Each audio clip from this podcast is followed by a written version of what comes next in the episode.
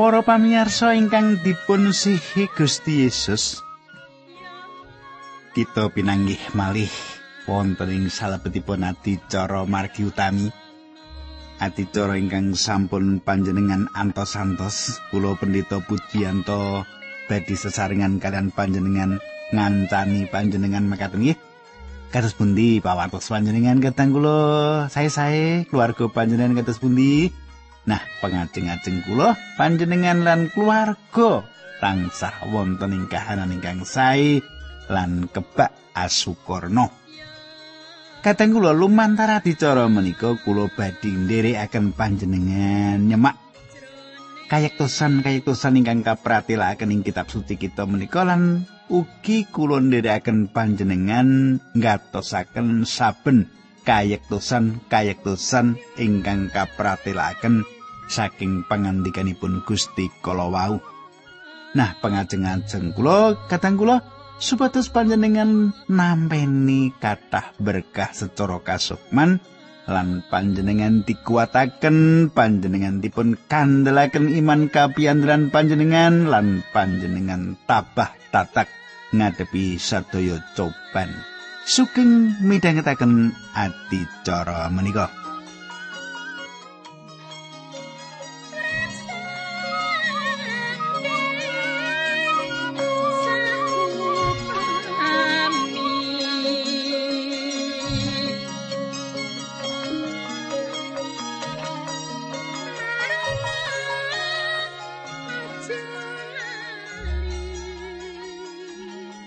Kadang kula menapa panjenengan tasih kemutan menapa ingkang kula andharaken untuk nalika pepanggihan kepengker.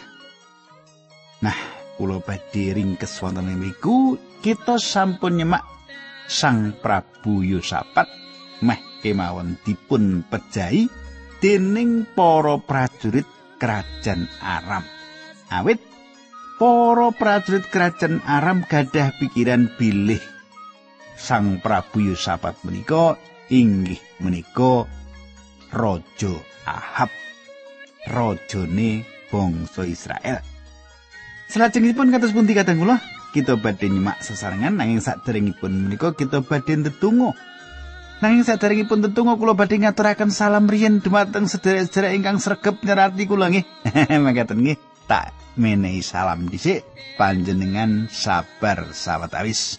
Salam kula dumateng Ibu Purwaningsih nggih. Kados pundi Ibu Purwaningsih menapa panjenengan sae-sae dipun berkahi Gusti Allah ing wanci menika nggih. Mugi-mugi panjenengan sesarengan kalian kula kanthi makaten serat-serat panjenengan sampun kula tampi Bu panjenengan kalebet tiyang ingkang sregep nerati kula nggih. Nah kateng kula ingkang kula tresnani monggo kita tumungkul kita ndedonga sesarengan. Duh Kanjeng Rama ingkang adhedhampar wonten kraton ing kasuwargan kawula ngaturaken gunging panuwun menawi wekdal menika kawula saged tetunggilan kalian sederek-sederek kawula lan ingkang setya tuhu midhangetaken adicara menika. Kawula suwun supados pepanggihan menika saged nuwuhaken kegiatan, saged ndadosaken berkah panglipuran pembangunan iman sederek-sederek kawula menika. Dinambaran asmanipun Gusti Kawulo Yesus Kristus Kawulo Ndedonga haleluya. Amin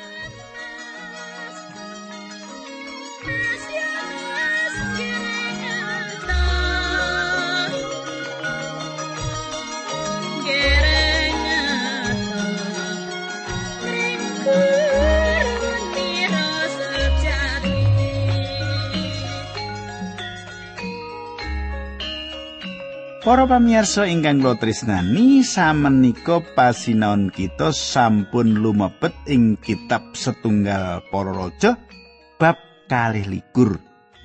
Ayat 33 selajengipun sampun kita sinau. Samenika kula badhe masaken ing basa petinan ayat tigang dosa sekawan ngantos tigang dosa gangsal para raja kalih likur. Makaten suraosipun.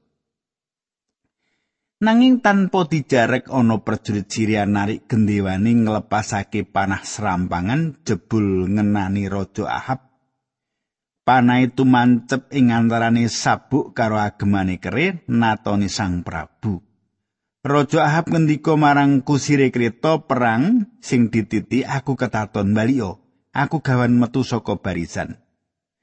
Ing dina kuwi perangi saya rame lan Raja Ahab disangga supaya jumeneng jejeg ana ing kreta ngadepake tentara Syria. Nanging rai mili terus saka tatune mlabar ana ing jrambai kreta sore kuwi Sang Prabu sedo.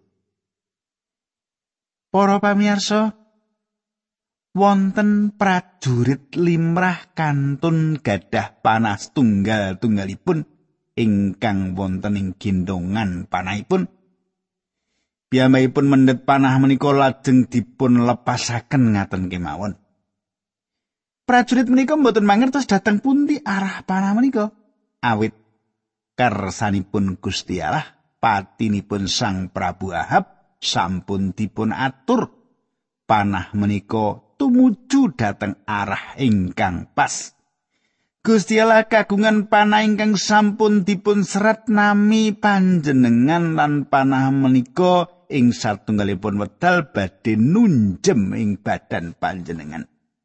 Sinausa panjenengan menika pinter pados pengayoman. Sinausa panjenengan menika pinter endo nanging panah menika badhe manggihaken panjenengan. Inggih kados makaten menika ingkang dumados atas Sang Prabu Ahab.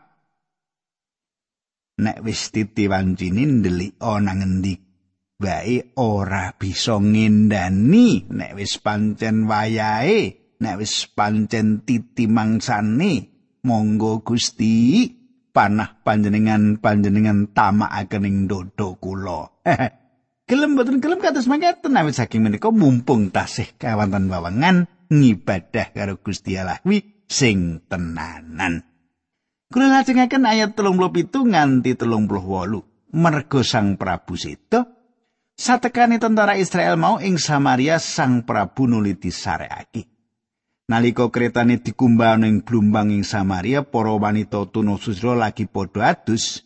Banjur ana asu padha ndilati geti Ahab sing ana ing jrambai kreta cocok karo sing dingendikake dening Allah. para pamirsa. Menapa ingkang sampun dipun weca Gusti Allah lumantar Nabi Elia sampun dipun kanepi Sang Prabu Ahab pecah. Lan rahipun dipun dilati segawon-segawon ing papan abot pecah. Menapa ingkang dipun sebar tiyang inggih menika ingkang badhe dipun unduh.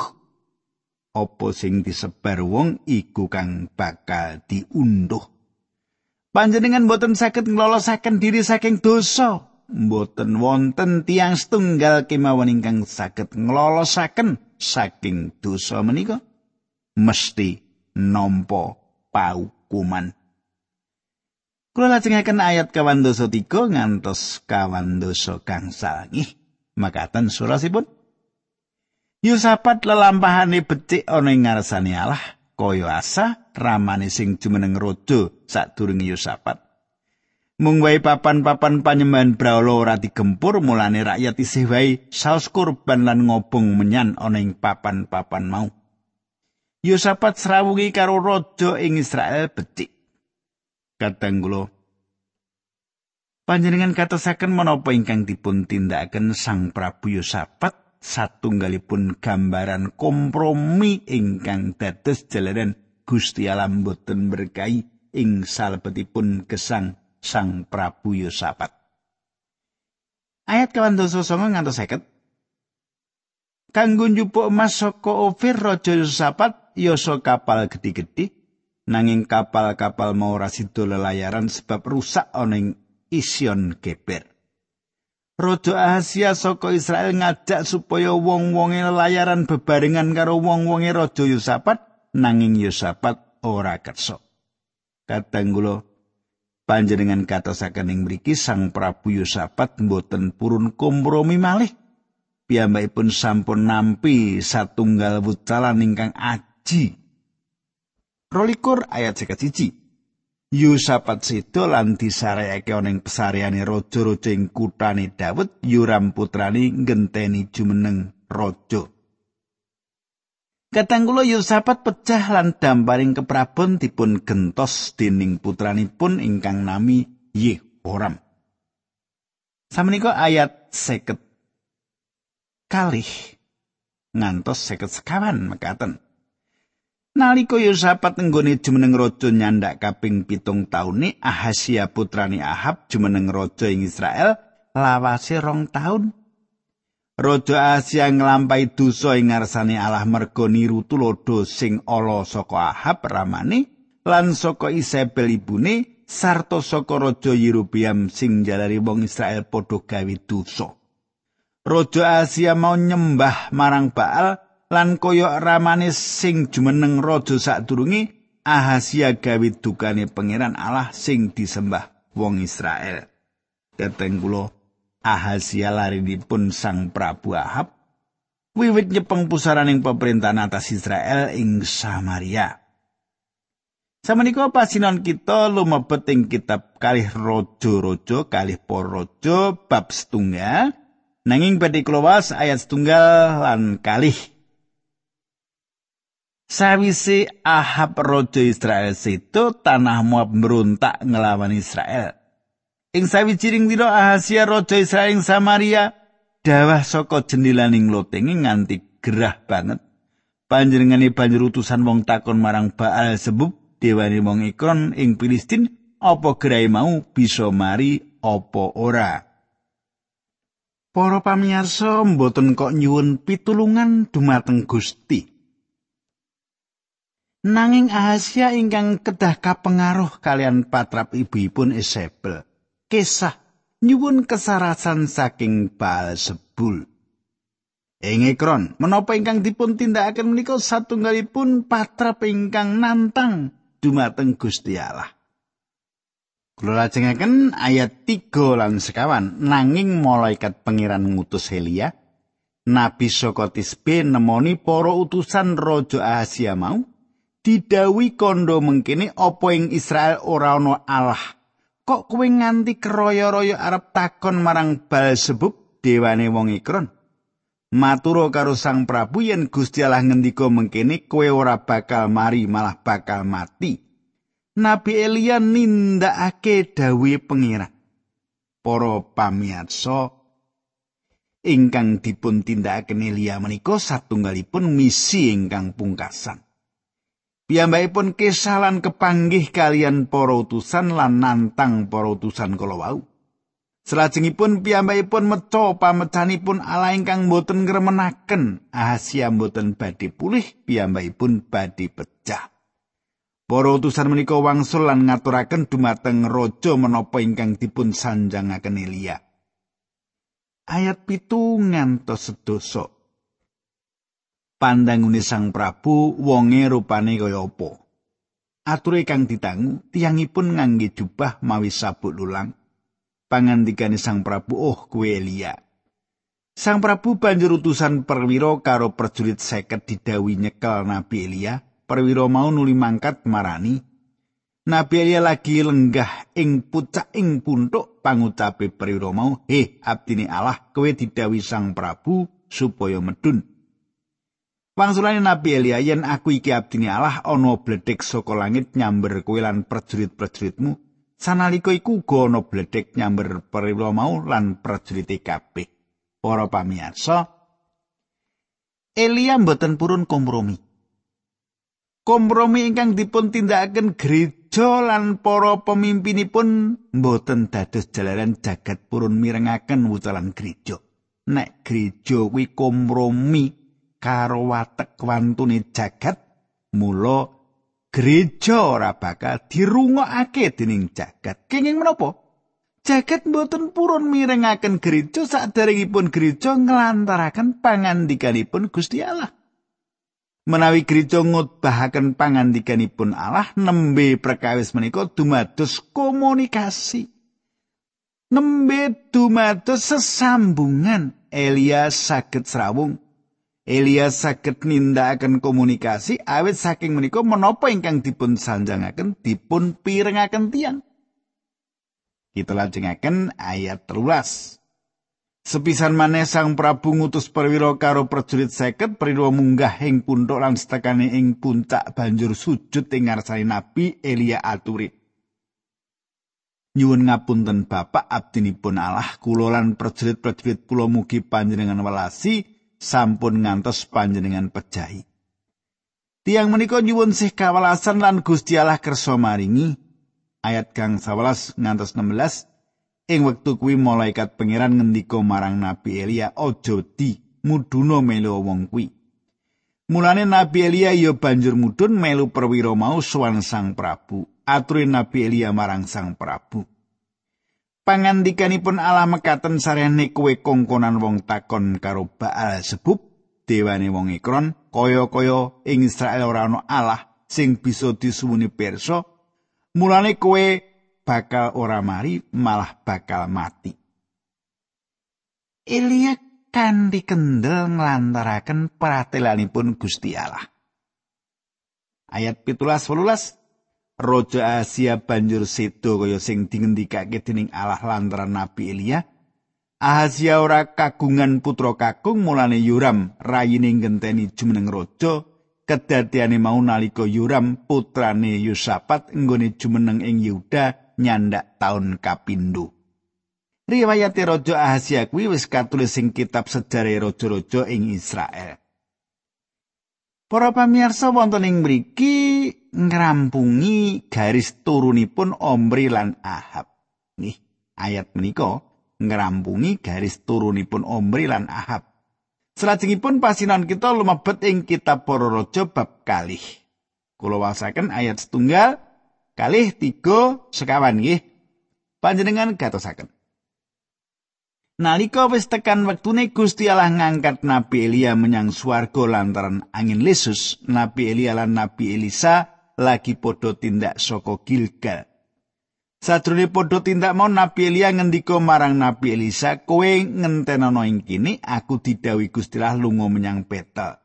Nanging Nabi Elisa matur demi asmanipun Allah ingkang gesang lan demi gesang panjenengan, kula mboten badhe nilar panjenengan. mulane banjur padha nerusake tindake menyang Betel. Ing konon ana nabi sawetara sing padha nemoni Nabi Elisa lan nyuwun pirsa menapa panjenengan pirsa bilih ing dinten menika Nabi Elia badhe kapundhut dening Allah lan nilar panjenengan. Wangsulane Nabi Elisa, aku wis ngerti nanging perkara kuwi ora susah kita rembuk.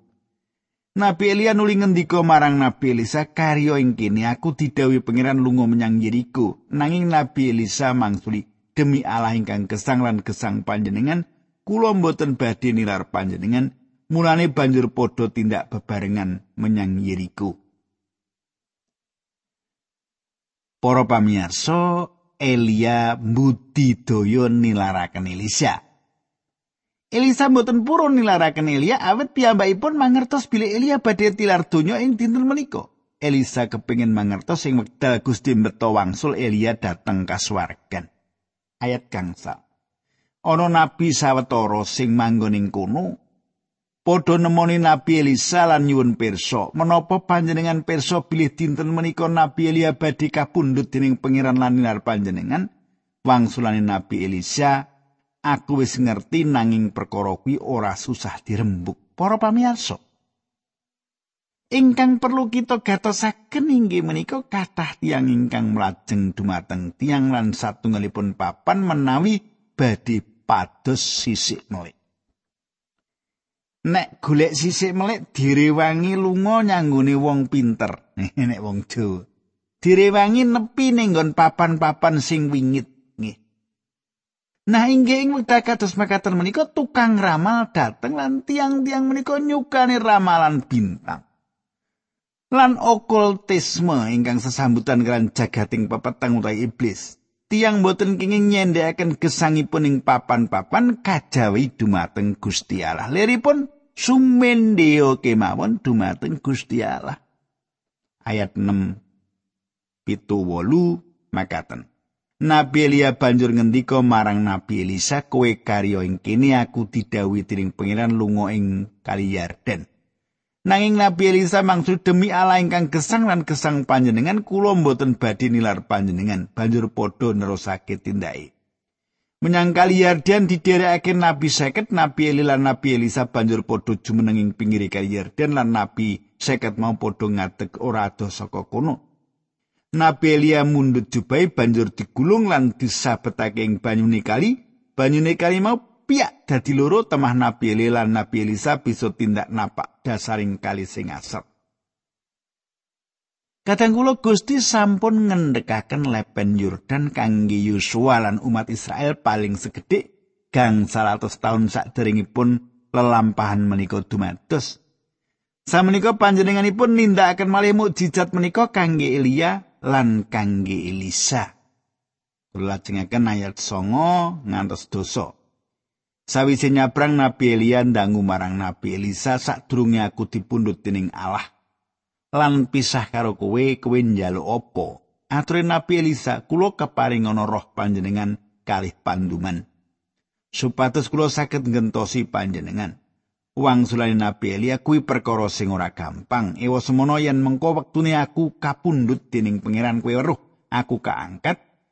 Penjalukmu bakal keturutan nanging yen kowe ora weruh nggonku kaangkat, penjalukmu ya ora keturutan. Kateng kula ampun panjenengan kesupen. Sejatosipun Elisa menika nabi ingkang langkung ageng tinimbang Elia. Piyambakipun gadah kalih bagian saking roh Allah ing salebeting piyambakipun. Ayat 11 sajrone padha nerusake tindak padha ngandikan dumadakan ana kereta murup ditarik jaran murup misahake wong loro mau lan Nabi Elia kaangkat menyang swarga dening angin lesus. Menika satunggalipun reringkesan ingkang ngidapi-dapi saking satunggalipun panggesangan ingkang ngidapi-dapi. Kali rojo-rojo bab kali ayat kali welas ngantos kawan las. Makaten surasipun Nabi Elia perso lakon maulan bengo Elia bapa bapa. Pahlawanipun Israel ingkang prakoso bapa wis ora ana Elia wis ora katon meneh. Saka sedhi Nabi Elisa nyuwek jubai dadi loro. Jubai Nabi Elia sing tiba nuli dipundhut banjur jumeneng maneh ing pinggir kali Yarden.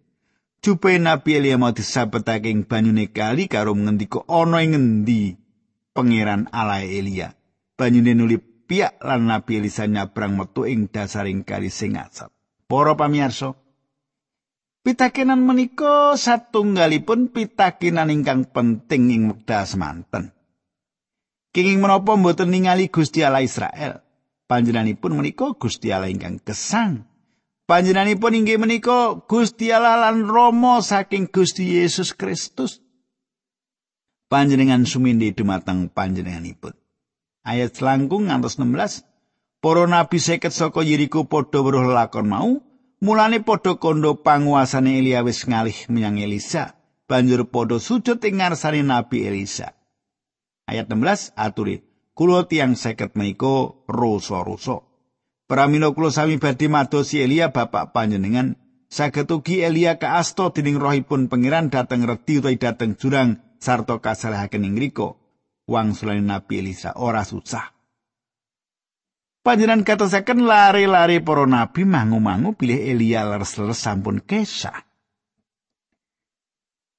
Lari-lari nabi menika gadah penginten bilih Gusti sampun nyingkiraken ing satunggalipun papan ingkang kosong.